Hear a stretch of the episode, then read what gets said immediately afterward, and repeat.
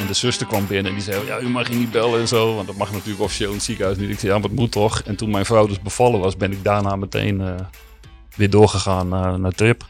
Boven in de zaal eh, de contracten getekend.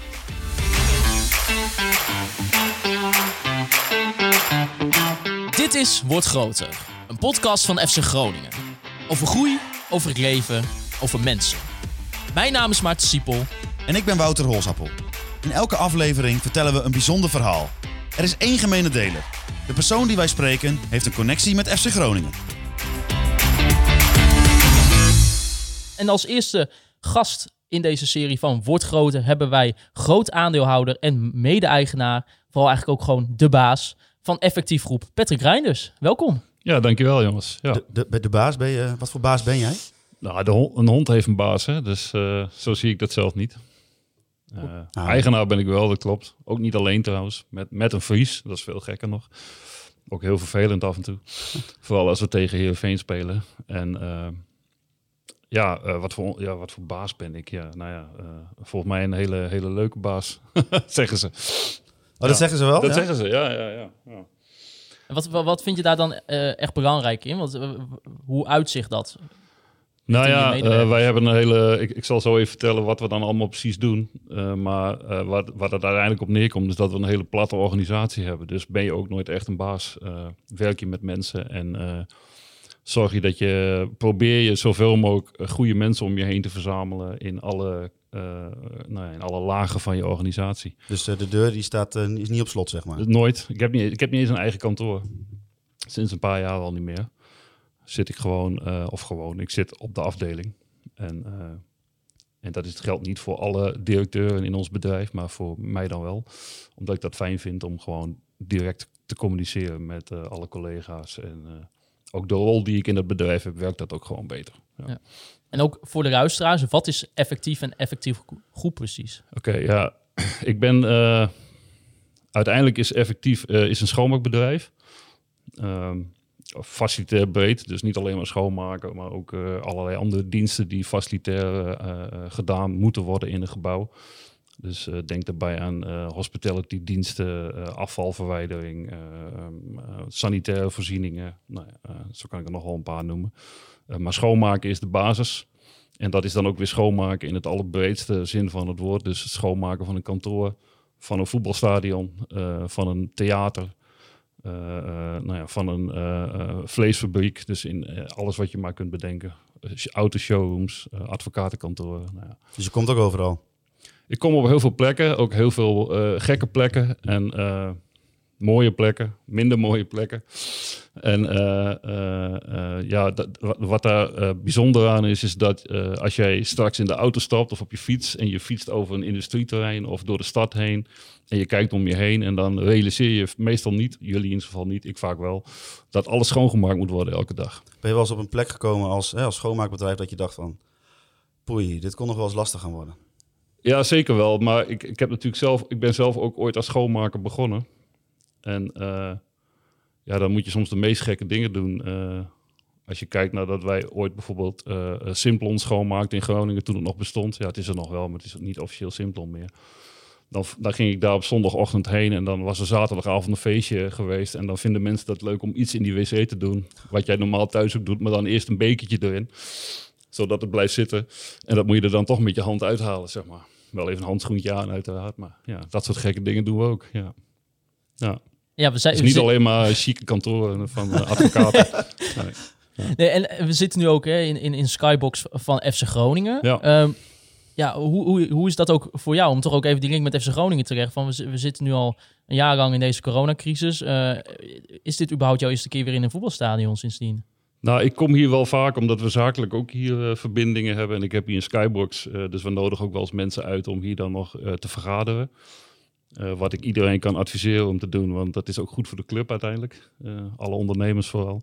Eh, ook in de tijden dat ze wat minder omzet draaien, of helemaal niks eigenlijk. Dat, dat merken wij als bedrijf natuurlijk ook. Daar zal ik misschien straks nog wat over vertellen, hoeveel last we daarvan hebben. Ja, uiteindelijk ben ik in de stad geboren, in Groningen. En ga ik vanaf mijn elfde jaar naar FC Groningen. Ooit uiteraard in het kippenhok. Ik weet niet of jullie dat kennen. Is dat Nee. van voor jullie tijd, Ja, denk ja, ik, dat is eh, Zeker. zeker Nou ja. voor onze tijd. Ja, dat de weg had je uiteraard de Z-site.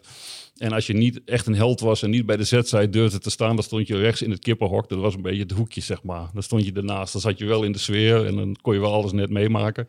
Maar dan, daar ging ik dan heen. En ik was natuurlijk 11, 12, 13 jaar. Ik ging alleen naar voetballen. In die tijd had je nog seizoenkaarten. Die, eh, die waren goed. Dat was gewoon een soort stencilpapiertje in een, in een plastic eh, mapje. En daar ging je mee naar voetballen. Die zou je tegenwoordig gewoon kunnen kopiëren. als je dat eh, nog zou hebben. Ja. En wat, wat voor supporter was je dan zelf? Want je, je zat dan inderdaad wel vlak bij de, bij de set-site, maar dan, dan in het kippenhok. Ja, Eh, hoe zou je jezelf omschrijven als supporter? Nou ja, ik voetbalde zelf bij GVV al vanaf jongs af aan. Dus dan is die link vrij snel gemaakt ook. En eh, eh, dus ja, je ging gewoon altijd naar voetballen. Dat was gewoon dat wat ik deed. En ik woonde in de Indische buurt. Dus eh, ik liep door de Korenwegwijk en de Oosterpark. En dan was ik er. Ja, wat Ja. voor supporter was ik. Ik vond het vooral gewoon heel leuk om daarheen te gaan. Ja, en en hoe, hoe- ben je sindsdien eigenlijk altijd naar FC Groningen gegaan? Of zeg maar, is dat eigenlijk ook tot, tot, ja, tot nu al gewoon zo gebleven? Dat is eigenlijk tot nu altijd zo gebleven, ja. Ik denk dat ik wel eens een jaartje overgeslagen heb, maar eh, heel lang geleden. Eh, weet ik niet helemaal zeker meer, maar uiteindelijk is het altijd wel zo gebleven, ja. En die, dat wit-groene hart, dat zit wel in mij, ja. helaas soms. Ja. Ik ben er ook wel verdrietig van. Oh ja, wanneer dan? Nou, als het niet zo goed gaat. ja, het, het is niet alleen maar positief, hè. Ja, maar gewoon door de bandbreedte heen, als je dat dan even vergeet, dan is het over het algemeen heel leuk, ja. ja. Ja, in die jonge jaren dat je ook naar, naar FC Groningen ging, ook toen sinds je elfde als seizoenskaarthouder natuurlijk opgegroeid in de stad. Ja, Eh, ja, hoe was jouw jeugd eigenlijk eh, opgroeien in, in de Groningse buurten? Nou ja, wat ik zeg, ik kom uit de Indische buurt en ik, ben, eh, ik, ik kom niet uit een ondernemersgezin. Eh, mijn vader eh, deed ook facilitair werk, die werkte in het ziekenhuis en mijn moeder werkte parttime. En wij konden prima rondkomen en ik ging naar school en mijn ja, school vond ik eigenlijk niet zo, niet zo heel erg belangrijk. En het ging me ook iets te makkelijk af, met name toen ik naar het VWO ging. Dat was in de tijd dat ik een jaar of dertien was. Toen vond ik eh, alles wat niet zo, eh, nou ja, wat eigenlijk niet mocht, zeg maar, vond ik veel leuker. Dus ik ging eh, graffiti schrijven en stiekem s'nachts. En daarna kwam ik in de Electric Boogie tijd. Ik ben natuurlijk in 71 geboren, dus ik kwam in de jaren 80 ben ik zeg maar in begin tiener tijd. Je ging gewoon midden in de nacht het huis uit om... Ja. Ja. Heeft dat nog wat eh, spannends opgeleverd? Of, eh? Nee, nee, af en toe een beetje wegrennen voor, eh, voor politie. Als, want je mocht dat natuurlijk niet doen. Maar, Maar ik vind het op zich wel bijzonder dat je eh, k- graffiti hebt gedaan... en dat je dan later een eigen schoonmaakbedrijf hebt. Ja, ik zeg ook altijd, als ik nou helemaal geen handen meer heb, dan ga ik het gewoon zelf weer doen. En dan kan ik weer spuiten. En dan eerst erop en dan later er weer af, zeg maar. Maar goed, ja. Tegenwoordig doen we dat niet meer op die manier, maar vroeger was dat wel zo. Maar dat was gewoon omdat school niet interessant genoeg was. Nou, ik vond vooral die, die subcultuur heel boeiend op een of andere manier. Ik ben daarmee in aanraking gekomen met vrienden en dan blijf je daarin hangen. Je vindt dat spannend. En dan, ja, in die tijd was het natuurlijk heel erg underground. Nu is hip-hop en rapmuziek is tegenwoordig eh, heel mainstream. Het is gewoon popmuziek. Dat was natuurlijk in die tijd helemaal niet zo. Hè? Mijn vader en moeder die zeiden van, eh, wat is dat voor lawaai? Wat is dat al voor lawaai? en dan, eh, ik- dan moest ik dan uitleggen wat dat was. En dat was natuurlijk heel ingewikkeld. Maar als Ja. je nu door een of andere Gronings eh onder het viaduct doorrijdt en je ziet het... heb je daar nog een, eh, dat je denkt van, eh, ah, dat was eigenlijk best wel mooi. Ja, zeker wel. En ik ben nu ook eh, door de, eh, eh, het Groningen Museum gevraagd om mee te denken over de nieuwe graffiti-expositie die ze gaan doen in, in november. Komt die in dit jaar. Tot en met juni gaat die draaien. Van JR, dat is de grote straatkunstenaar. En daar gaan ze dan omheen, gaan ze dan de Groningse subcultuur en, En, de oude graffiti scene en ook de huidige graffiti scene gaan ze weer belichten. Dus dat was Nou, ook jouw doel toen je 13 was natuurlijk. Nee, helemaal, was ik helemaal niet mee bezig. Nee, zeker niet. Het was gewoon een beetje rebel zijn en eh, ja. En later dan de muziek in. Dus van daaruit ben ik wel met die muziek in aanraking gekomen en ben ik zelf, eh, nou ja, alles, al die stromingen doorlopen. Dus de, de, het, de electric boogie, het breakdansen, beats maken, eh, beatboxen, eh, nou rappen uiteindelijk later. En, En we hebben een voorbeeldje aan Maarten. Zeker, we hebben zeker een voorbeeldje van eh, toen je in de groep eh, Zombie Squad zat. Oh god, ja. ja, Ik, ik ging even googlen natuurlijk. En Ja. ja. ja, daar vonden we onder andere eh, dit fragmentje van. We got spray cats with spray cans, spray and spray on while they can. They represent and forever play on. We got fit, make it quick, fat cats. Ja, dit gaat inderdaad ook over graffiti. Dus het liedje heet volgens mij Maar we- zo. ja. horen we jouw stem nu ook? Nee, ik heb deze muziek gemaakt. Oké, Ja. dus het eh, rappen deed je niet. Toen niet meer, nee. Alleen in het begin en daar was ik niet zo heel goed in. En eh, we hadden een paar jongens die dat veel beter konden. En ik ben uiteindelijk mijn aandacht gaan verleggen op produceren. Dus eh, muziek schrijven en eh, thema's bedenken voor liedjes. En, eh, nou, Ja, je kwam er dus ook echt in aanraking door, door met je vrienden. Ja. Hoe, hoe, hoe, kwam je zeg maar daardoor weer in aanraking met, met die subcultuur? Want heeft het dat heel erg in Groningen? Of moest je dat vooral toch via via vanuit het buitenland dan zeg maar krijgen? Dat het daar groot was? Nou, de muziek kwam vooral uit Amerika natuurlijk. En eh, zeker in de jaren 80, eh, hè, met, eh, nou, ja, in de jaren 70 eigenlijk al en jaren 80. Zeker met de opkomst van Public Enemy. En in de jaren 80 was het natuurlijk in Groningen ook heel onrustig. In heel Nederland had je natuurlijk ook, je had nog kraakpanden en ontruimingen. En je had natuurlijk, de economisch ging het niet goed in Nederland. Beetje hetzelfde als nu, alleen het was eh, eh, met, met die eh, demonstraties had je natuurlijk in die tijd ook heel veel. Hè? De onderruiming van het Wolters Noordhof en nou ja, dat, dat was in die tijd. En, en wij leefden daar een beetje tussendoor. En wij, wij luisterden naar die muziek in, in, ja, in, in- vanuit Amerika. En de Engelse scene was ook redelijk in opkomst. En in Nederland was het eigenlijk niet. Dus wij de- deden vooral Engelstalige muziek. Eh, hip-hop en Nederlandstalige rap was er eigenlijk helemaal niet. Pas iets later hè, met de Ostopossie en Extins. Eh, nou ja, en zo is, heeft zich dat ontwikkeld. Dus ja, wij zijn een beetje de mastodonten van de hip-hop, zeg maar. En later zijn we wel richting een, een Duitse platenmaatschappij gekomen. En ook in Europa, nou, we deden gemiddeld denk ik 160 tot 200 shows per jaar. Dus dat was wel echt werken, zeg maar. En wat zijn daar nou nog echt dingen aan, aan dat toeren wat nou echt super tof was? Ja, nou ja, dat, dat was heel verschillend. Hè? Omdat je, je gaat dus van eh, eh, voor 40 man optreden in Duitse bierstube ergens op een, op een biljart... tot aan eh, eh, 80.000 man in Leipzig op een hip-hop festival. Van slapen in een kraakpand of in de auto omdat je geen hotel had. En je, je moest toch door, want de volgende dag moest je weer ergens spelen... tot uiteindelijk ergens in een vijf-sterren hotel eh, slapen. Dus je hebt alles meegemaakt in al die jaren. Ja, en eigenlijk vooral de reis die, je die, je die je daarin gemaakt hebt, is heel boeiend en interessant. En daar heb je heel veel van geleerd. Ja, en daar hoort eigenlijk alles bij wat je maar kunt bedenken. Wat zou je zeggen in je werk nu? Neem je daar nog van mee dan? Eh, nou ja, wat ik zelf altijd eh, merk in de, in, de, in de business die ik doe, dus niet alleen maar schoonmaken, maar ik heb nog meer bedrijven als alleen maar schoonmaakbedrijven.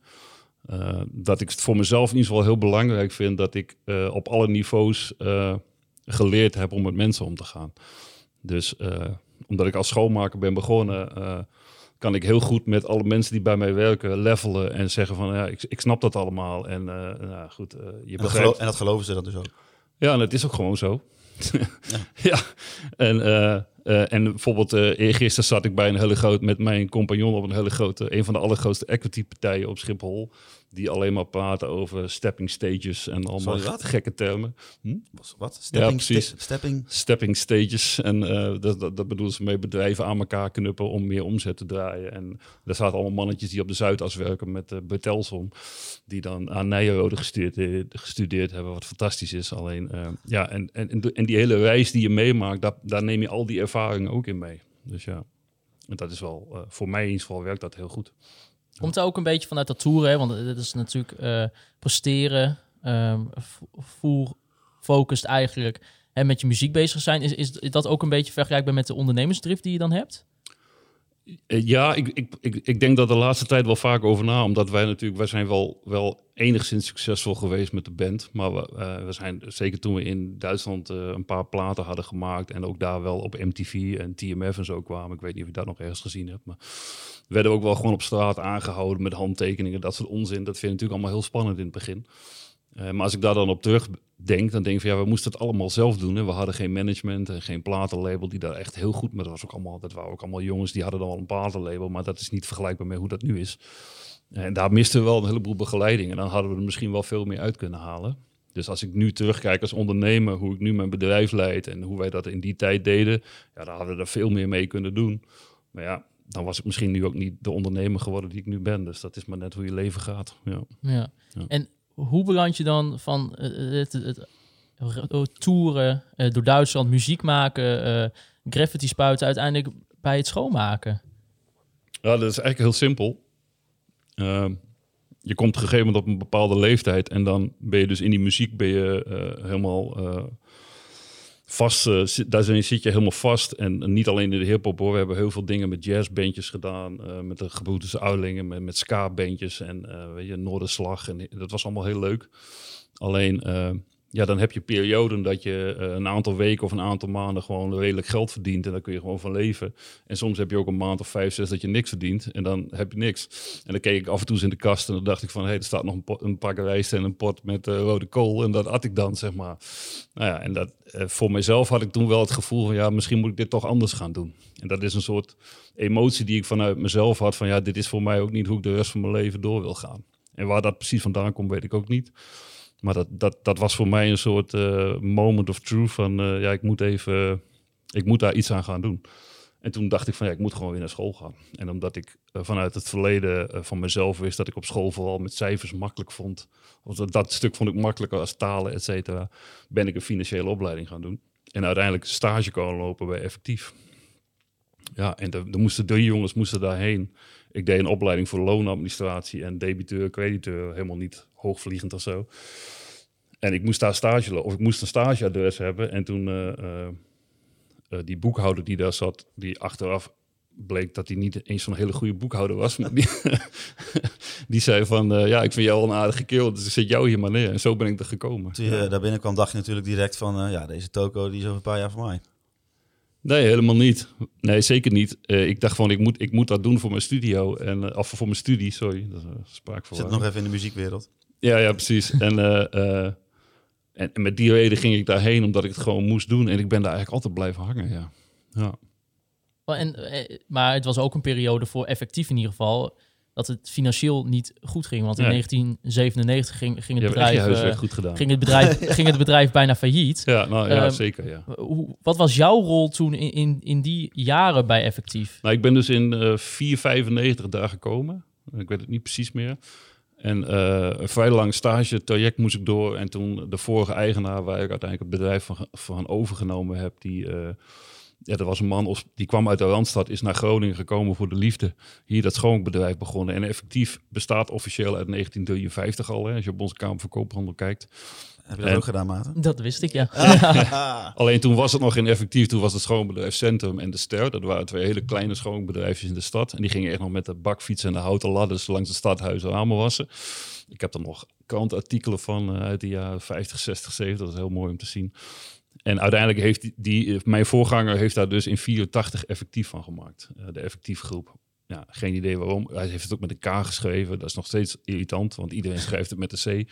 Misschien was dat toen de spelling, geen idee. Maar ja, dat, Is dat niet makkelijk te veranderen nu? ja, het is misschien wel. Maar ja, ik, ik denk dat er al een bedrijf is. Met, ik denk dat, Ja, ik denk dat er wel een bedrijf is met een C. Ik heb inmiddels wel de, het internetadres en zo wel allemaal eh, eh, gekoppeld. Dus als Kijk. mensen het verkeerd intypen, kom je uiteindelijk wel goed terecht. Maar het, is nog wel steeds zo, ja. Eh, maar wat ik wou zeggen is dat die... eh, eh, toen ik daar, ik, hij heeft, is dat bedrijf begonnen en toen ik daar dus in 394 kwam, was dat dus een, een klein schoonmaakbedrijf. zoals de meeste schoonmaakbedrijven beginnen met een, aantal specialisten, glazenwassers, gevelreinigers, vloerenspecialisten. Die werken fulltime, die doen dat eh, eh, op projectbasis vaak. En, en hij had daar omheen al wel een aantal schoonmakers die dan echt eh, nou ja, het vaste werk doen elke dag. Hè? Gewoon een uurtje, factuurtje, kantoor schoonmaken, scholen, et cetera. Heel klein. Ik denk dat hij een miljoen euro gulden destijds omzet had. Met een man of 50, 60 zullen er gewerkt hebben. En zo kwam ik in dat bedrijf. En de boekhouder, die mij dus, waar ik net over had, die mij had aangenomen, die was ook ooit gevelreiniger geweest. En die dacht van, nou, ik ga die boekhouding wel doen. Zo ging dat. En die had wel een cursus boekhouding ergens gedaan, maar hij was er niet heel goed in. En toen bleek dus in 97 dat wij allemaal schulden hadden. En die had hij een beetje verstopt in het bedrijf. En de eigenaar was er ook niet echt mee bezig, maar die was vooral bezig om handel binnen te halen. Nou ja, dat was het niveau hoe dat ging. Dus eh, huur een goede boekhouder is jouw advies. Zeker. Dus, eh, de financiële man. Wij hebben nu Jacques Zuiveer, eh, bekend in, in sportland. Hè. Die, eh, eh, die, die, die is bij ons financieel directeur. En de, de- je controle is je alle, een van je allerbelangrijkste schakels er in je bedrijf. Zeker als het bedrijf wat groter wordt. Maar goed, uiteindelijk bleken we wat schulden te hebben. En dat konden we eigenlijk niet te boven komen. En in die tijd had je nog de postbank. Ook voor jullie tijd, denk ik, als Dus ik dat, jullie zo dat, dat, aankijk. hij met die blauwe leeuw... Met die eh, blauwe leeuw, ja. Ja, ja, ja. En dat die hadden mij, ze- ik, ik weet dat nog, dat weet Maarten denk Dat, ik. eh, nee, zeker niet. Nee. Die hadden zo'n actie, eh, dat ging later over in de Oranje Leeuw. En maar eh, die hadden zo'n actie van leen hier 25.000 gulden zonder je jaarcijfers, zoiets was het. En daar konden wij toen een leen. Daar konden wij toen een? Ja, serieus. Daar konden wij toen een lening eh, krijgen, want het bedrijf was redelijk eh, op zijn gat. En daar zijn we dus het bedrijf mee verder gegaan. Konden we mensen weer wat salarissen betalen. Toen heb ik uiteindelijk eh, een Wat was jouw rol toen dan in die tijd? Ik eh, deed loonadministratie en eh, een beetje debiteur. Ik weet niet, Jij eh, verzond dit. Jij nee. zag dit op, op de tv of zo? op Nee, nee, nee, zaterdagavond? nee, niet eens. Wij hadden een interim manager gekregen vanuit Deloitte Touche. Daar zaten we toen al wel bij. En die had gezegd, nou, ik zet een man bij jullie neer en die gaat dat hele bedrijf reorganiseren. En ik vond dat een enorme, ik mag niet schelden, heb ik net gehoord. Dus eh, Eikel. enorme vervelende man. En want die ging mij vertellen hoe het moest en ook onze andere mensen. En die was heel strikt in hoe je procedures moest volgen. Daar hadden we nog nooit van gehoord. En eh, nou, uiteindelijk is dat wel de basis geweest hoe we weer verder konden. En we hadden een dame aangenomen van een ander groot schoonbedrijf uit het noorden. Dat was toen ons grote voorbeeld, Vlietstra uit uh, Valenke. Die was toen al heel groot. En die kwam bij ons werken en die nam wat mensen mee en wat opdrachten. En zo zijn we uiteindelijk weer verder gegaan. En dan hele grote stappen naar voren. Uiteindelijk in, uh, in begin 2000, 2001, zei die eigenaar destijds van... ja, ik ga op wereldreis, jongens. Zoek het maar uit. We doen het allemaal hartstikke goed. Ik heb een campertje gekocht. En uh, ik ga een jaar met mijn vrouw uh, de wereld over. En gaan jullie dat bedrijf maar draaien. Nou, en zo is het eigenlijk gekomen. Is dat gewoon op een, op een ochtendje kwam hij naar je toe en zei hij van... Ja, dat ging eigenlijk wel zo, ja. En toen ben ik samen met die dame Tina Rozema... zijn we het bedrijf gaan leiden. Zij deed de operatie, dus vooral de schoonmaak, aansturing... En ik deed het, nou, alles wat op kantoor moest gebeuren. En, met name ook de offertewerk. En, de, en we zijn toen zaten we ook al in de aanbestedingen. En de Europese aanbestedingen zijn ergens in midden jaren 90, eind jaren 90 gekomen. En dat, dat heeft heel veel effect gehad op onze, op onze handel. Ja, daar raakte je al je basisscholen kwijt, want die moesten allemaal aanbesteden. En, uh, nou, dus daar moesten we goed in worden. Daar moet je leergeld voor betalen, heel lang, voordat je daar echt een beetje beter in wordt. En dat je dat kunt winnen van de grote partijen. Met name de multinationals en de grote Nederlandse bedrijven. En daar hebben we heel veel energie in moeten steken. Uiteindelijk werden we daar aardig goed in. En toen hij uh, dat jaar op wereldreis was geweest, dat werd uiteindelijk anderhalf jaar. En toen hij terugkwam, hadden wij de omzet van destijds 2,5 miljoen uh, euro naar vijf en een kwart gebracht. Nou, dus dat hadden we best goed dat gedaan. heeft hij makkelijk verdiend dan in het anderhalf jaar. Ja, dat is omzetten, hè? dat is nog Ja, geen winst, maar uh, dat, ook dat ging wel goed Ja, in die nog tijd. een lesje boekhouden hier. Ja, ook dat ging wel goed. En uh, nou, hij had eigenlijk zoiets van, ja, jullie doen dat eigenlijk best wel goed, dus uh, blijf dat maar vooral doen. En, dan, en, en, zo zijn we daar toen mee verder gegaan. En in 2004 kreeg ik via via te horen dat hij bezig was om zijn schoonmaakbedrijf te verkopen. Hij was inmiddels gescheiden van zijn vrouw. Dat heb je als je waarschijnlijk als je anderhalf jaar met je vrouw in de camper gaat zitten. Misschien wel, ja. Goed advies. dat is best. Uh, Weer wat geleerd. Ja, ja. Nou, vandaag vertelde mijn PA, dus mijn secretaresse, dus dat ze ook uh, een camper heeft gekocht. En uh, uh, de wereld, ze heeft gewoon ontslag genomen en die gaat gewoon de hele wereld over. Die willen echt tot aan Azië met die camper. en die hebben een huis verkocht en die gaan gewoon met z'n tweeën op pad.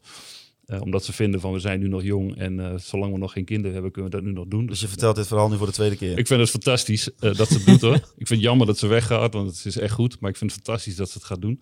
Alleen, ja, dat, dat, dat, dat zit er wel een beetje in, ja. Dus hij kwam met een hond terug uit Iran en zijn vrouw, uh, die moest weg, ja. Maar in die periode dat, dat, dat je zeg maar eigenlijk steeds meer uh, soort van de touwtjes in handen kreeg dan in die periode dat, dat jouw baas weg was. Van, hoe kon je daar op dat moment al snel mee omgaan? Of was het Nee. toch ook wel schrikken?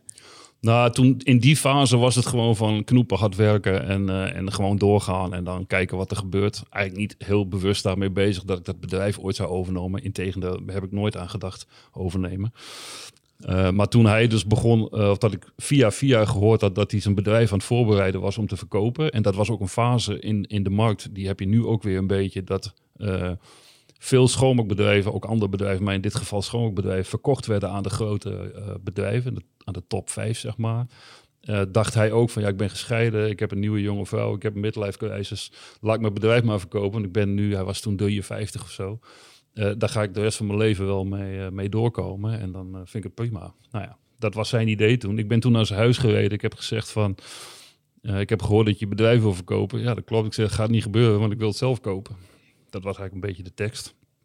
En hij zei, ja, dat kan niet, want uh, mijn vraagprijs is uh, in dat geval 2,6 miljoen. Dat heb jij niet. Ik zei, dat klopt. Kijk, ik had niks. en uh, je gaat er ook niet aankomen. Plus, omdat jij, en in dit geval mijn, eh, toen, eh, waar ik dan later het bedrijf mee gekocht heb, Tina, die, wij wisten natuurlijk ook heel veel van zo'n bedrijf. En als je midden in zo'n bedrijf werkt, dan weet je ook alles over wat er wat minder goed voor zo'n bedrijf is en wat, dus, wat niet zo goed voor de waarde is van het bedrijf. En dat vond hij vervelend, van hij wilde de hoofdprijs. Ja, natuurlijk. Ja. Nou ja, uiteindelijk eh, met hem de deal kunnen maken, want wij zouden gewoon uit het bedrijf stappen en voor onszelf gaan beginnen. Dat was een beetje het dreigement en dat zou voor hem ook niet handig zijn. Heeft hij gezegd van, nou ja, als je het dan kunt betalen en je kunt dat ergens financieren en je wil mijn vraagprijs betalen, dan vind ik dat goed. Dan ga het maar proberen. Nou, toen zijn wij naar de ING-kantoor gegaan op de Herenplein hier in Groningen. En dat was al tien jaar onze huisbankier. Dus Strak die- in pak natuurlijk. Eh, ja, ik denk dat ik toen nog wel een heel fout pak aan had. Dus met, met een stropdas en zo, ja. Met van die streepjes erop. Oh, ja. Ik denk het wel, ja. En eh, eh, toen gingen we er dus heen en eh, niet voorbereid, geen bedrijfsplan of wat dan ook. Maar, maar goed, ze kenden ons bedrijf, ze kenden de jaarcijfers en we verdienden gewoon geld. En, en de eigenaar ging er natuurlijk uit en die kostte vooral heel veel geld. Dus ja, dat helpt dan ook wel. En we hadden inmiddels een andere financiële man die ook op dat moment voor dat bedrijf wel oké was. En toen zei de bank van, nou ja, eigenlijk binnen 10 minuten hadden we het rond. En dat ze zeiden van, ja, als jullie, eh, die cijfers zijn goed, als jullie dit blijven doen en eh, hij gaat eruit, scheelt ook een heleboel geld. En jullie kunnen dit, dit, deze financiering eh, rondmaken om dat in vijf jaar terug te betalen aan ons. Dan kunnen we alleen maar zeggen, neem een goede adviseur en dan gaan wij het wel financieren. Nou, ja. en zo is het eigenlijk gekomen. En dan heb je ineens een schoonmaakbedrijf. Ja, Ja. En, maar- en dan, tenminste dat las ik op internet, dan heb je op de geboortedag van je dochter, Ja. neem je opeens het bedrijf over. Dat was inderdaad op de, eh, de dag dat mijn dochter geboren is, Sanna. Eh, die, mijn vrouw die was aan het bevallen s'avonds laat in het eh, UMCG. Ik zat naast Dat haar. is toch eh, ongelooflijk. ik zat naast haar bed met mijn mobiel. Ik denk dat het toen nog een Nokia 6130 was of zoiets, zo'n ding. Ik kon niet even een dagje wachten. 6310. Nee, want ik denk ook dat eh, de eigenaar vanuit de tactiek bedacht had van ik moet hem nu wat onder druk zetten. Want hij is met zijn kop er niet bij. En dan kan ik over de laatste 10.000 euro nog wel even ruzie met hem maken. Hè? Want je bent altijd, ook al gaat het om veel geld, wat ik natuurlijk helemaal niet gewend was. Want ja, eh, ik ben de zoon van een schoonmaker, ik had geen idee. Eh, dus je probeert dat zo goed mogelijk te doen. En je hebt natuurlijk wel een adviseur en die heeft me goed geholpen toen Erik zei. Eh, en je, eh, eh, eh, ja, dan kom je toch s'avonds in zo'n situatie dat ik nog naar TRIP-advocaten hier, of notaris Hugo Brouwer destijds nog s'avonds moest om dat contract te tekenen. Nou, want je zat in het UMCG en toen... Mijn vrouw was aan het bevallen. Ik, zat, ik had mijn mobiel aan de ene hand en, het, en de telefoon waar, waar ik dus mijn adviseur aan had. En aan de telefoon had ik dus iemand van Trip eh, op de het telefoon van het bed. En de zuster kwam binnen en die zei, ja, u mag hier niet bellen en zo. Want dat mag natuurlijk officieel in het ziekenhuis niet. Ik zei, ja, maar het moet toch. En toen mijn vrouw dus bevallen was, ben ik daarna meteen weer doorgegaan naar, naar Trip. Boven in de zaal eh, de contracten getekend. Maar dat, dat moet toch een enorme chaos zijn geweest? Ja, ik heb dat niet zo ervaren. Maar ik had wel de volgende dag een soort angstmoment. Zo van, oké, en nu dan of zo. Ja, dat Ja. wel. Ook omdat je dan elke maand 40.000 euro moet betalen. Elke maand 40.000 euro betalen en ineens, en ineens vader. En een vader, wat ook, eh, nou ja, dat is natuurlijk fantastisch. En eh, Ik heb rustige dagen gehad hoor in mijn leven. ja, nou, ik heb ze nog veel gekker gehad. Na die tijd. En, eh, maar ja, wel eh, eh, wat natuurlijk heel bijzonder daaraan is, is dat je de dag daarvoor sta je midden in die organisatie en ben je vooral hard aan het werk om dat draaiende te houden en die klanten tevreden te houden. En de volgende dag doe je dat ook nog, want je hebt nog dezelfde rol in het bedrijf, maar je bent opeens ook eigenaar. Dus je bent financieel verantwoordelijk. Ik zat er met mijn gezin in mijn huis in. Ik moest met mijn huisborg staan en het beetje geld wat ik dan nog wel had. En ja, en dat geeft toch wel een bepaalde druk, zeg maar. Dat je denkt, oké, nu moeten we echt nu moeten we nog harder werken. Terwijl dat eigenlijk helemaal niet kan, want je was al eh, dag en nacht aan het werk. Maar goed, eh, ja. Is dat, dat- ook je grootste risico geweest? Dat je, dat je in je leven hebt genomen? Of misschien ook op zakelijk, maar dus misschien ook wel op, op privégebied ook? Eh, nou, wel het grootste risico in de zin van, ja, privé zeker, maar ook wel in de zin van het grootste risico wat ik me niet direct beseft heb dat het een groot risico was. Omdat ik denk als je heel goed beseft wat je dan aan het doen bent, dat je het niet doet. En ik kom in mijn, ik ben inmiddels, eh word ik dit jaar word ik 50 en ik word best vaak door mensen benaderd van, ja, eh, ik wil graag ondernemen, hoe moet ik dat dan doen? Of ik heb hier een kans om een winkel over te nemen. Of een, en als, je merkt altijd als mensen er dan te veel over na gaan denken en ze zien te veel beren op de weg, dan gaan ze dat uiteindelijk toch niet doen. Terwijl het misschien wel een mooie kans was, met heel veel risico. Eh, maar ja, dat hoort er nog eenmaal bij. Ja. Ik heb later natuurlijk veel grotere overnames gedaan waar veel meer geld in omgaat. Alleen dan ga je rekenen en dan, dan, dan neem je dat soort stappen neem je veel bewuster. En die risico's zijn in principe wel veel groter. Omdat als dat misgaat, dan gaat het ook echt helemaal mis. Alleen, eh, ja, da- dan ben je er wel, je bent er dan wel meer bij met je hoofd, zeg maar. In die tijd was het echt wel een soort emotionele beslissing van ik moet dit doen of zo. Ja, en ook, ik weet ook niet eens precies waarom. Ik vond dat ik dat moest doen. Ja, waarschijnlijk omdat ik daar al vrij lang werkte, heel hard bezig was geweest om, die, om dat bedrijf op dat niveau te brengen met mijn toenmalige compagnon. En wat gewoon niet konden verkopen dat we daar niet mee verder mochten. Ja. Zo'n soort verbetenheid zat erachter. Sorry? Een soort verbetenheid zat Ja, erachter. zeker. Ja, ja, ja, ja. Ja, maar je zegt ook dan dat het ook privé dus ook dan eh, invloed op je had. In, in welke zin? Nou ja, niet direct, eh, maar wel eh, als je erop terugdenkt, dan denk je van oké, ik ging er wel met alles in wat ik had, zeg maar. Dus als het mis was gegaan, wat heel goed had gekund, ja, dan was ik ook mijn huis kwijt geweest en alles wat, eh, ja. En dat is niet heel fijn als je net een kind hebt en, en een vrouw. Maar dan heb je dus ineens heb je een eigen bedrijf. Ja, Ga je dan ook ineens alles anders doen dan hoe het ging? Nee, alleen eh, je voelt die druk, eh, die financiële druk vooral. En eh, ik was natuurlijk helemaal niet, nog niet een ondernemer, puur zang. Ik kom ook niet uit een ondernemersgezin. En dan, dan leer je dat meer van huis uit. Of je krijgt advies van om je heen, van, je, van je vader of moeder of mensen om je heen. En eh, het bedrijf was natuurlijk ook nog niet op het niveau waar het nu is. Dus we konden dat nog wel redelijk behappen. En we hadden ook het geluk dat we in de goede flow zaten eh, met de groei van het bedrijf. Eh, het was 2005, dus was nog ver voor de bankencrisis die pas veel later kwam. Dus wij gingen vooral samen veel harder nog werken, hadden we het idee. En zorgen dat de omzet bijkwam. En zorgen dat de mensen tevreden waren, dat de klanten tevreden waren. En uiteindelijk is dat gelukt tot aan 2007, 2008 dat wij vrij snel doorgroeiden naar 8, 9 miljoen. Wat voor ons een hele prestatie was. We gingen ook wat Europese aanbestedingen winnen, wat ook heel uniek was voor een relatief klein bedrijf. Eh, en dat konden we gewoon allemaal heel goed handelen, tot aan dat moment ongeveer. En hoe komt het dan dat je als klein bedrijf dat soort dingen wel binnen weet te halen? Nou, vooral heel veel energie in stoppen. En eh, Ja, maar er moet toch ook wel een bepaalde...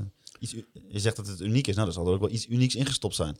Ja, maar dat is toch vooral gewoon heel veel energie erin stoppen. En, eh, nooit loslaten en vooral doorgaan. En eh, ja, eh, voorbeeld te noemen, ik was offertes aan het maken. voor het bedrijf. En als ik dan op vrijdagmiddag nog drie of vier aanvragen had liggen, of ik was nog met een aanbesteding bezig, dan kon ik dat gewoon het hele weekend door doen. En dan letterlijk het hele weekend door doen. Dus dan ging ik niet naar huis. Dan sliep ik gewoon op de zaak als ik in slaap viel. En dan was ik gewoon daarmee bezig, want het moest klaar voor maandag. Nou, dat zou mooie foto's hebben opgeleverd als er een fotograaf bij was. Ja, maar ja, dat is wat je doet. Je doet er alles voor om er een succes van te maken. En eh, ja, dat is ook wel een beetje wat mijn idee bij ondernemen hoort. Eh, daar kun je niet makkelijk mee omgaan. Als jij, eh, zeker in zo'n bedrijf als dat destijds was... eh, en als je wil ondernemen en je wil eh, eh, bewust of onbewust wil ondernemen, je bent vooral gewoon hard aan het werk om daar een succes van te maken. Dat, dat kun je niet half doen. Dat is onmogelijk. Ik bedoel, ik ken een aantal mensen die dan wel die het geluk hebben dat ze iets uitgevonden hebben of iets bedacht hebben wat, wat dan vanzelf eigenlijk verkoopt of zo. Ja, dat wordt een stuk makkelijker. Eh, en er zijn ook wel vakgebieden waar dat misschien minder hoeft. Maar als je een dienstverlenend bedrijf bent, ja, dan, dan is dat ingewikkeld om dat niet, eh, niet op die manier te doen. Dan moet je gewoon echt gewoon 80 uur per week maken. En ook niet een paar weken, maar gewoon wel 10, 15 jaar voor je weer op dat niveau komen. Maar je zegt bijvoorbeeld eh, eh, alleen maar hard werken, hard werken. Is er dan ook een moment dat je zeg maar van hard werken ook echt gaat naar dat je wel bewust bent van wat je aan het bouwen bent? Ja, dat komt eigenlijk pas later op het moment dat mensen tegen jou gaan zeggen dat het allemaal wel, wel goed gaat. En dat, eh, dat het al wel wat voorstelt. En dat je ook ziet dat je. Vooral in die jaren vond ik het heel mooi dat wij konden vechten tegen de grote jongens. Hè.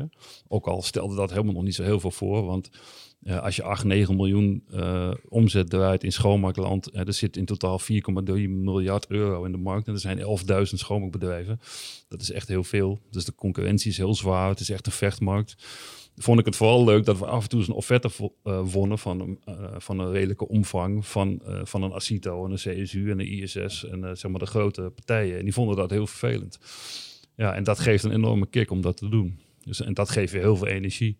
En dat gaat het niet eens zozeer om, om het geld of om de omzet, of om, maar vooral om het succes dat je dat voor elkaar krijgt. Met de mensen om je heen natuurlijk. Hè. Maar hoe vecht je je dan zo in, in- ja, die markt door? Want het, eh, is, dat inderdaad puur hard werken en met z'n allen gewoon het gezicht dezelfde kant op? Of, wa- want het is, het is een moordende markt dus eigenlijk. Ja, op dat moment was het echt wel eh, eh, eh, hard werken en eh, daar maak je dan het verschil in, in die absolute aandacht voor die klant en ook wel nadenken natuurlijk wat je doet. En, maar kijk, eh, echte innovatie en, en onderscheidend vermogen in schoonmaakland is natuurlijk heel ingewikkeld. Hè? Eh, de laatste innovatie in schoonmaakland was de microvezeldoek in 1997. en verder is het gewoon schoonmaken. En, ja, en wij nu, ik heb nu tekstschrijvers in dienst die offertes maken voor grote musea's, wat alleen maar gaat over social return. eh, eh, nou ja, alles wat niet te maken heeft met direct schoonmaken op de vloer of met techniek. Gaat over robotisering, over sensortechnieken in gebouwen. Eh, dat het gebouw zelf aangeeft wanneer wij moeten bewegen. Eh. en uiteindelijk komt het woord schoonmaak bijna niet eens meer voor in, eh, in die hele grote trajecten. Ja, en, en dus daar kun je nu het verschil veel moeilijker maken. Maar in die tijd eh, was dat wel op die manier zo, ja. En ja, het, het harde werken, maar kon je, en je bent ook geen ondernemer puur zang, Nee. kon je wel misschien vanuit andere markten, ehm, of misschien ook wel vanuit de schoonmaakwereld zelf wel een soort van inspiratie halen? Want inderdaad, eh, ook niet echt eh, nou, eh, ja, adviezen eh, die je echt om je heen had. Hoe, ja, hoe, hoe creëer je dat dan alsnog? Ja, nou ja, ik denk dat dan ook wel jullie eerste, een van de eerdere vragen terugkomt. eh, wat, heb je dan, wat heb je dan gehad aan je, je, aan je tijd als muzikant en, en zeg maar dat veel, veel, veel ontmoeten van allemaal verschillende soorten mensen, is dat ik het van mezelf vrij makkelijk vind om met mensen te praten en eh, eh, gewoon een gesprek te voeren, zeg maar. En uiteindelijk, als jij als eigenaar van een bedrijf eh, aan een tafel komt te zitten met een opdrachtgever die geïnteresseerd is in jouw werk, en je zit daar in concurrentie met een aantal eh sales managers, met alle respect, dan win je dat bijna altijd. Dus mijn offerte score zat ook op 90% of zo. Omdat klanten vinden dat gewoon belangrijk, dat je zelf komt. En aangezien wij, wij hebben nu een heel groot bedrijf eh, in verhouding. We zitten net in de top 10 van Nederland, dus het is, en er werken een paar duizend man. Maar ik ga nog steeds zelf naar die klant toe. En ik kan ze natuurlijk niet allemaal bezoeken, maar wij hebben geen salesapparaat. Ik geloof niet in sales managers, niet in ons vak. Dat klinkt wel heel makkelijk. Gewoon zelf gaan. Nou, ja, dat, dat geeft natuurlijk dat geeft ook problemen, want je hebt je maar een bepaalde span of control. Hè? Nou, dat is een gekke Engelse term. Je kunt niet meer doen dan dat je doet. En, eh, en mijn compagnon doet het dan ook. En ik heb inmiddels, inmiddels een aantal directieleden die dan ook daar heel druk mee zijn. En we hebben ook daar weer een laag onder die, die in de operatie werken. Dus die sturen de schoonmaak aan en die doen ook wel sales op hun manier. Maar wij hebben niet een sales team die we zeggen, nou ga al die panden eens even bezoeken en zorgen ze even dat we die contracten binnenkrijgen. Wij zoeken heel gericht van, nou dit past goed bij ons. Dit doen wij al veel in dat gebied. Kunnen we dat goed bedienen? Kunnen kwaliteit leveren? En dan gaan we op gesprek. Proberen we iets vol aan tafel te komen. En van die overname van in in 2005 neem je dan over Ja. en dan tot nu, tot nu toe. En het rijdt, zoals we nu horen, echt, echt een, het is een stijgende rij natuurlijk. Wat, wat zijn dan toch nog de grootste hobbels geweest in die periode dat je het echt overnam? Ehm, behalve natuurlijk ook dat het financieel de druk hoger werd. Maar wat, wat zijn hobbels geweest in, in die reis naar waar we nu zijn? Nou, de zwaarste tijd die ik zelf, die we gehad hebben met het bedrijf, nou los van dat we die nu ook weer hebben, is dat we dus in tot aan 2008, 2009 ging het eigenlijk heel goed. Eh, toen kwam dus achteraf gezien de bankencrisis, hè, dat weten we nu pas. Dat wist Ja. ik natuurlijk toen niet. En, eh, maar in die fase had ik een eh schoonmaakcontract voor de gemeente Groningen voor OCSW. Dat bestaat inmiddels niet meer. Tenminste niet voor de scholen. Hadden wij 60, eh, dat, wa- dat was een contract van 66 basisscholen. Daarvan had ik de 40 in onderhoud. En die andere 20, 30 zaten bij OCS. Dat is het grootste schoonbedrijf van de wereld uit Engeland. Die was toen ook nog actief in Nederland. En daar was mijn huidige compagnon, die was daar operationeel directeur Nederland op zijn 28ste al. En eh, mijn contract liep heel goed. En zijn contract liep eigenlijk vrij slecht. En dat kwam vooral omdat ik twee hele goede leidinggevenden had. En hij had op een of andere manier voor elkaar gekregen om die leidinggevende bij mij weg te halen. En toen ging mijn contract opeens heel slecht en die van hem ging heel goed. Nou ja, als je dus een hele platte organisatie hebt waar niet veel mensen tussen zitten, dan krijg je dat gezeik dus zelf op je af. Hè? Want dan gaat zo'n klant jou bellen van eh, eh, het gaat hier niet goed, kom eens even langs.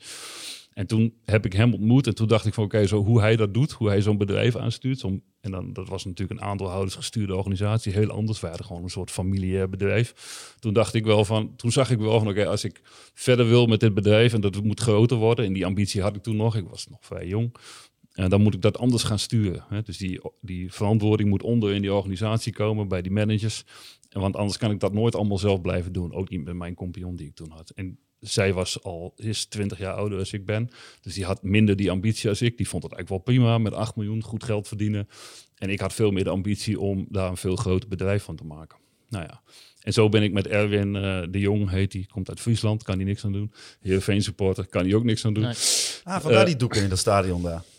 Vandaar dat wij shirt sponsors zijn. Oh ja, dat ook nog, zelfs. Ja, ik zag ook eh, op de, op de website van Herenveen. Eh, dat, is echt vreselijk, jongens. Die- Maar, eh, ja. maar bij de, wet- Ik bij, heb er echt op zitten janken, maar goed, daar gaan we het straks nog over Heb jij ook je handtekening onder die Nee. gezet? Nee, nee, zeker niet. nee, want dat, dat, dat vroeg ik me ook af. Want ik zag op de foto's van SC Heerenveen toen dat contract werd getekend met Effectief. Daar stond ik niet op. Daar, was jij, daar stond jij niet op. Is, is dat de bewuste keuze geweest? Ja, zeker. Ja, dat hoopte ik al op stiekem ook. nee, is- eh, ja, dat, zo ver, dat gaat best wel ver, ja. ja.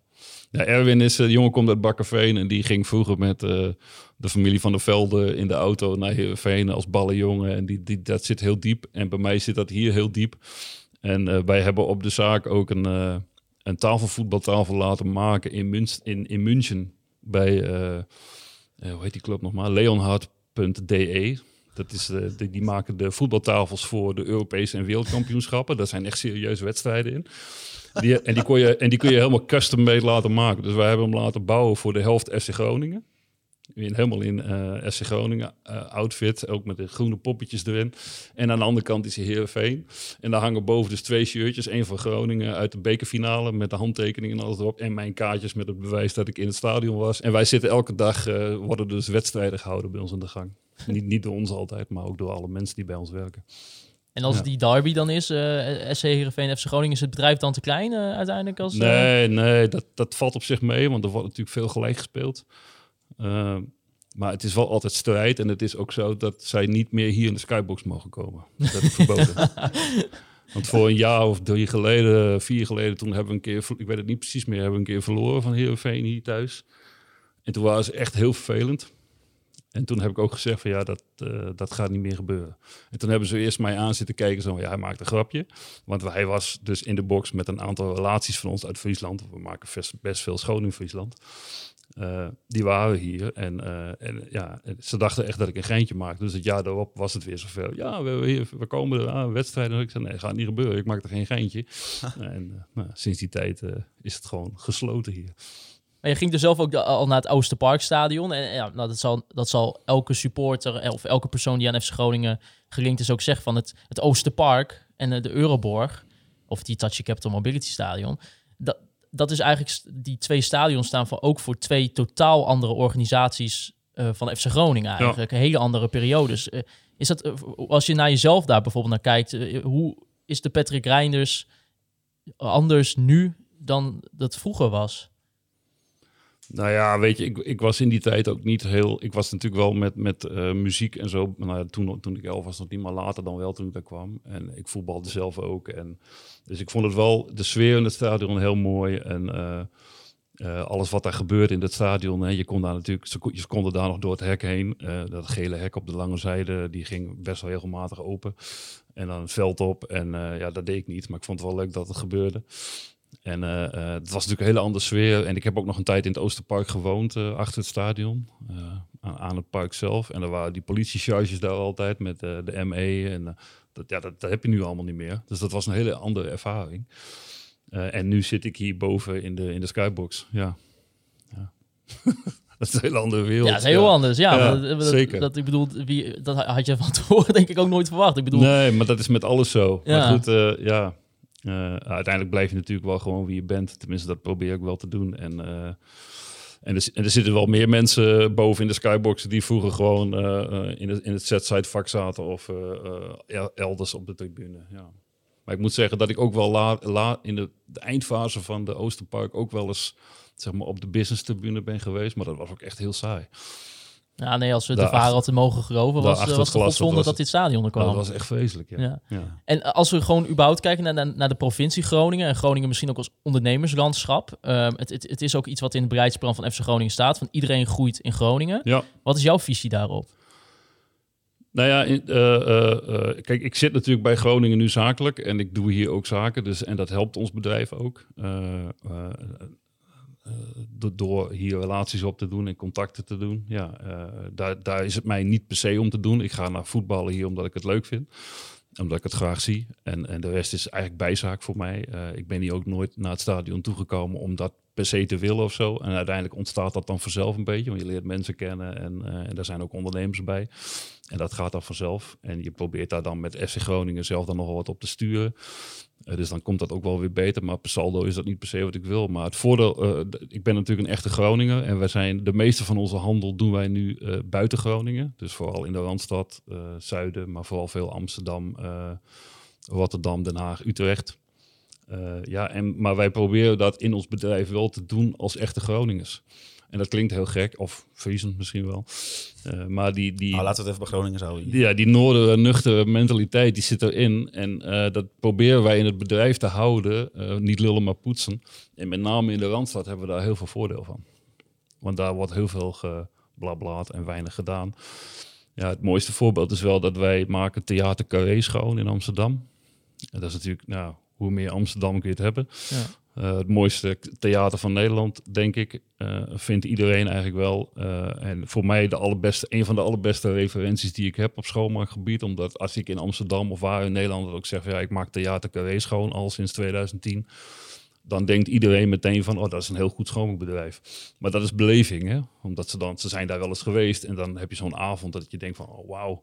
Dus heeft iemand ook het idee van, nou, het zal dan wel heel schoon zijn. Nou ja, dat is over het, over het algemeen ook wel zo, maar heus niet altijd. En daar gaat ook wel eens wat verkeerd. Alleen, ik ben daar binnengekomen door daar drie jaar aan de deur te kloppen. Van, eh, mag ik eens een keer een offerte maken? En wij kunnen dat beter. En eh, ik zou het anders doen. En eh, nou ja, Eigenwijs een beetje misschien. heel eigenwijs. En zij hadden een Amsterdam schoonmaakbedrijf al zolang het gebouwde staat. En dat is al heel lang. en, en daar wilden ze moeilijk vanaf. Uiteindelijk ging dat niet helemaal goed. Hebben ze me toch een kans gegeven. Toen werd ik s'avonds, ik was net weer terug in Groningen, werd ik gebeld door H.J. Jens. Die was toen nog de directeur daar. En dat was een hele autoritaire, al wat oude man. Die had een eigen kantoor, die rookte nog sigaren. En die had allemaal van die oude schilderijen aan de muur hangen. Je mocht nergens meer roken, maar hij deed wel. En eh, die kwam alleen nog maar in de zaal als de koningin ook kwam, zeg maar. Anders kwam die niet eens meer eh, beneden. En die belde mij dus op om half acht van eh, of ik dan naar Amsterdam wilde komen, naar Carré. Omdat hij wilde met mij wel even praten. Want die jongens van hem hadden gezegd van effectief, dat is wel een goede club. Dat moet ik maar eens proberen. Nou ja, ik was net in Groningen. Ik zei, ik kom eraan. Dus ik was om half tien was ik daar weer. En nou ja, toen zei hij dus tegen mij van, eh, ja, eh, eh, effectief, wat is dat precies? Want wij werken hier met die en die en dat doen we al heel lang. En ik zei, van, ja, ik zeg, dat ben ik hier nu al drie jaar aan het vertellen. Dat ga ik niet nog een keer doen. Zij weten prima hoe wij dat doen. Ik zeg, maar zij, zijn heel, ze waren heel erg angstig voor. het is een theater, elke dag première, dus dat moet goed zijn, die schoonmaken. Dat, als dat één avond niet goed zou gaan door een overgang naar een ander bedrijf, dat vonden ze heel spannend. Dus die angst moest ik weghalen. Dus toen zei ik ook een beetje in het Gronings van... eh, het is gewoon een gebouw met een paar stoelen die schoon moet. en, en dat is het natuurlijk Ja, ook dat is gewoon. het ook. Ja, meer is het niet. En, eh, en ik zei ook, ja, weet je, en als, en als dat op een of andere manier niet goed gaat, dan staan we er morgen met 100 man in plaats van 10. En dan zorgen we dat het gebouw schoon is. Dat gaat gewoon niet gebeuren. Nou ja, en, en dat vond hij mooi. Toen zei hij, nou, hoeveel stoelen ga je dan in de sponsoring doen? Ik, hij zei, zullen we 24 doen? Ik zei, nou, zullen we met twee beginnen? En toen was het goed. Nou, en sinds die tijd, in 2010, maak ik carré schoon met een opzegtermijn van één dag. Nou, normaal heeft een schoonmaakcontract altijd maanden of jaren een opzegtermijn, want niemand loopt dat risico. En ik heb gezegd van we doen gewoon één dag, want je, je, je, vindt, het, je vindt het eng. Dus ik zeg gewoon van het moet hier elke dag goed zijn. En daar hou ik mijn woord gewoon aan. Ja. Ja, we hebben een keer een, eh, voor een andere podcast met Wouter Gudde gepraat. En die, eh, de algemeen directeur, die komt natuurlijk uit eh, Rotterdam. En die Mhm. zei bijvoorbeeld wel van... kan eh, ook niks aan doen. Daar kan hij ook niks aan doen. Hij zei bijvoorbeeld van in het Westen, daar zijn mensen heel erg snel vrienden met je, maar dan is de relatie ook zo weer voorbij. Ja. Terwijl hij, hij komt in Groningen en hij merkt, het duurt misschien even, maar als je eenmaal die relatie hebt, dan is Ja. die veel duurzamer. Herken je dat?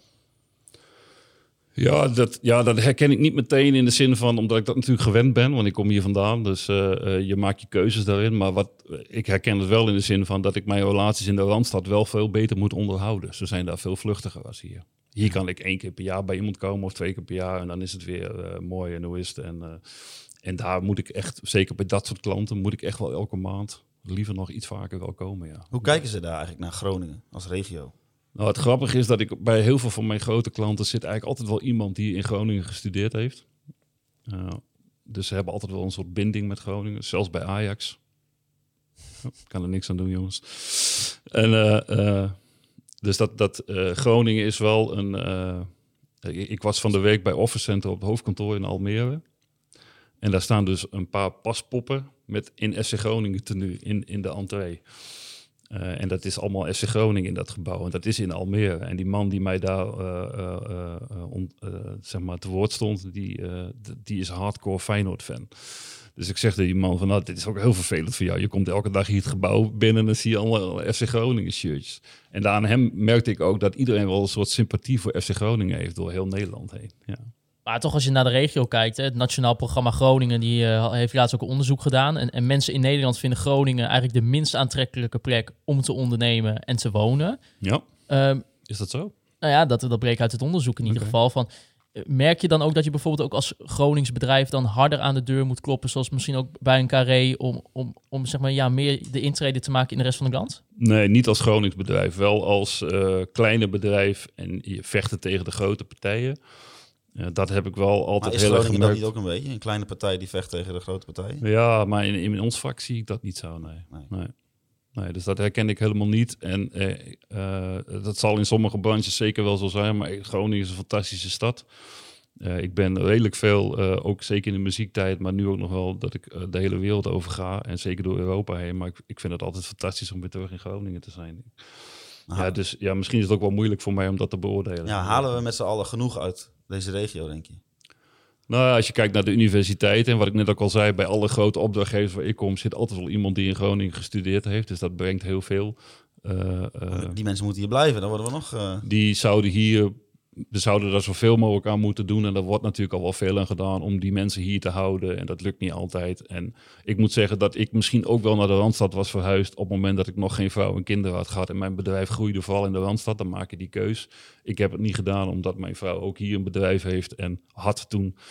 eh, hebben wij die keuze gemaakt om hier, hier te blijven. En uiteindelijk is het ook maar een afstand van twee uurtjes of zo. Dat schiet natuurlijk helemaal niet op. Eh, zover is het niet. Nee. En eh, ja, nee, ik herken dat niet zo. Maar als we kijken hè, naar, de, naar eigenlijk de, de reis die je hebt doorgemaakt, hè, ehm, op je dertiende leeftijd ongeveer komen in, in de graffiti-wereld, in de muziekwereld. En dan uiteindelijk van graffiti naar schoonmaakbedrijf en eigenlijk het bedrijf overnemen in 2005. Waar, waar, waar is het bedrijf nu? Ja, goede vraag. Eh, uiteindelijk is het zo dat je eh, op het moment dat je dus op dat niveau eh, ondernemer bent en je haalt de juiste mensen bij je bedrijf, dat is uiteindelijk het meest essentiële. Ik zie, ik, er zijn veel mensen die mij vragen van ja, ik zit op een bepaald niveau met mijn bedrijf. Eh, hoe zorg ik ervoor dat het groter wordt of dat het eh, succesvoller wordt? Of, en uiteindelijk eh, kun je dat natuurlijk nooit alleen doen. Dus je moet, ik ben het toen met Erwin de Jong verder gaan doen. Inmiddels hebben we een operationeel directeur, Nina, Nina Poort, die trouwens ook een fanatiek Groningen supporter, haar vader nog veel erger, die, die de operatie stuurt. En zo verzamel je mensen om je heen eh, die, die jou verder helpen met je bedrijf. Eh, en dat gaat ook wel eens mis. En je neemt ook mensen aan waar dat niet mee lukt. En uiteindelijk kun je daar je bedrijf mee doorbouwen. En eh, wat mijn grote, eh, als, je, als, je, eh, als ik mijzelf vraag, hoe, hoe kan het nou dat dat zeg maar succesvol is geworden? Dan weet ik vooral van mezelf wat ik niet kan. En eh, dat ik daar eh, op een of andere manier talent voor heb om mensen erbij te halen die dingen veel beter kunnen als ik dat kan. En dat ik ze dat ook dan laat doen. Want je ziet ook vaak ondernemers eh, mensen aannemen en die zetten ze in een bepaalde rol van jij bent hier goed in. Of je bent hier waarschijnlijk goed in, dus ga het maar doen. Bedenk een plan en kijk hoe we daarmee verder kunnen. En dan op het moment dat ze dat dan bedacht hebben, ze gaan het uitrollen, dan gaat die ondernemer zeggen van ja, maar dat vind ik eigenlijk niet zo goed. Dan ga ik het zelf weer doen. Dat zie je echt, dat is de klassieke eh, fout die heel veel ondernemers volgens mij maken. Eh, je moet die mensen dan ook die ruimte geven om dat te doen. En dan mogen ze ook op hun bek gaan en fout doen. Eh, en uiteindelijk moet je dan het geluk hebben dat je af en toe mensen bij je bedrijf krijgt die dan wel net de goede dingen doen en dat je dan samen verder kunt. En die kun je daar dan ook goed voor belonen en dan ga je samen een mooie toekomst tegemoet. Eh, wij groeien met ons bedrijf eh, gemiddeld 20% autonoom. Dus puur op onze eigen offertes en eh, alles wat we doen in de markt aan innovaties en nieuwe dingen. Dan moet je denken aan robotisering en allemaal hele gekke dingen tegenwoordig in de schoonmaken. Dat is gepand door een robot wat schoongemaakt, gaan we tegenwoordig al heen. Eh, eh, uiteindelijk hebben wij in 2015 ongeveer een eh, uitzendbureau nog opgericht, 365 Werk. Ook sponsor hier en, eh, en eh, eh, wordt geleid door Wies van Slot. Eh, nou ja, die, die, die draait dat bedrijf, is een onderdeel van de hele organisatie. Dat doet ze fantastisch. En we hebben inmiddels ook een cateringbedrijf, tweetal, waarin we ook voeding doen voor topsporters, zowel in voetbal als in schaatsland. En, en, en het schoonmaakbedrijf groeit en we doen af en toe overnames. We zijn nu ook weer met partijen in gesprek dat we bedrijven opkopen die of wat minder lopen uh, uh, of juist wel heel goed zijn, maar heel interessant zijn om te kopen. Dus in de hele scope uh, zitten we nu op een vrij groot bedrijf ergens in de top 10 van Nederland. en we hebben de ambitie om naar die top 5 te gaan. Nou, dat gaan we de komende vijf jaar proberen te doen. Dus we zitten nu op een scope van 90 miljoen, dus we zijn echt serieus ten opzichte van 2005 wel, wel groter geworden. Ja, en we hebben de ambitie uiteindelijk om de top 5 te halen. En dan moeten we binnen nu in een jaar of vijf zeker nog serieuze overnames doen en zelf groeien. En dan moet je denken aan dat we nog zeker twee, drie keer zo groot moeten worden. Misschien een mooie om mee richting een einde te gaan. We zitten in het stadion van FC Groningen. Wat is nou als je teruggaat in al jouw jaren, zeg maar, je meest warme, mooie FC Groningen herinnering? Nou, dat zijn twee dingen. Is, want ik ben ik ben uitgenodigd een tijdje geleden voor de bekerfinale Ajax tegen nog iemand. Geen idee meer wat dit was, een jaar of twee geleden. Tegen, tegen wie speelden ze toen? Willem II? Ja, ik denk het wel, ja. En daar ging ik heen met een hoop ondernemers en uh, bootje varen. En, uh, en ik zat in dat stadion en ik denk van, ik heb hier helemaal geen emotie bij, jongens. Ik vind dat helemaal niet leuk. Het was ook niet een hele leuke wedstrijd. Ik ben ook bij de bekerfinale van Groningen geweest. Toen was ik drie dagen zenuwachtig. En op de dag zelf heb ik bijna de hele dag niks gegeten. Omdat je dan dat gevoel hebt en die emotie. Dus die, die bekerfinale was natuurlijk fantastisch. Dat was niet hier, maar dan daar. En uh, wij, hadden, wij waren met een fantastisch clubje en we hebben het echt een hele leuke avond gehad. Dat, natuurlijk ook omdat we gewonnen hebben, maar het was gewoon super. Dus dat is wel echt een hoogtepunt. Verder heb ik natuurlijk in het Oosterpark heb ik, de wedstrijden gezien die er echt toe deden. Hè? Dus de Inter Milaan en, en Atletico was dat. Hè? Ja. Dat kan ik nog wel, een beetje natuurlijk ook weer van tv, maar dat herinner ik me nog wel. En we hebben daar ooit een oefenwedstrijd gespeeld tegen Barcelona. Dat vond ik ook fantastisch. En toen zag je dus echt voor het 5 eerst... 5 was dat toch? Hm? Was dat die 5-5 of zo?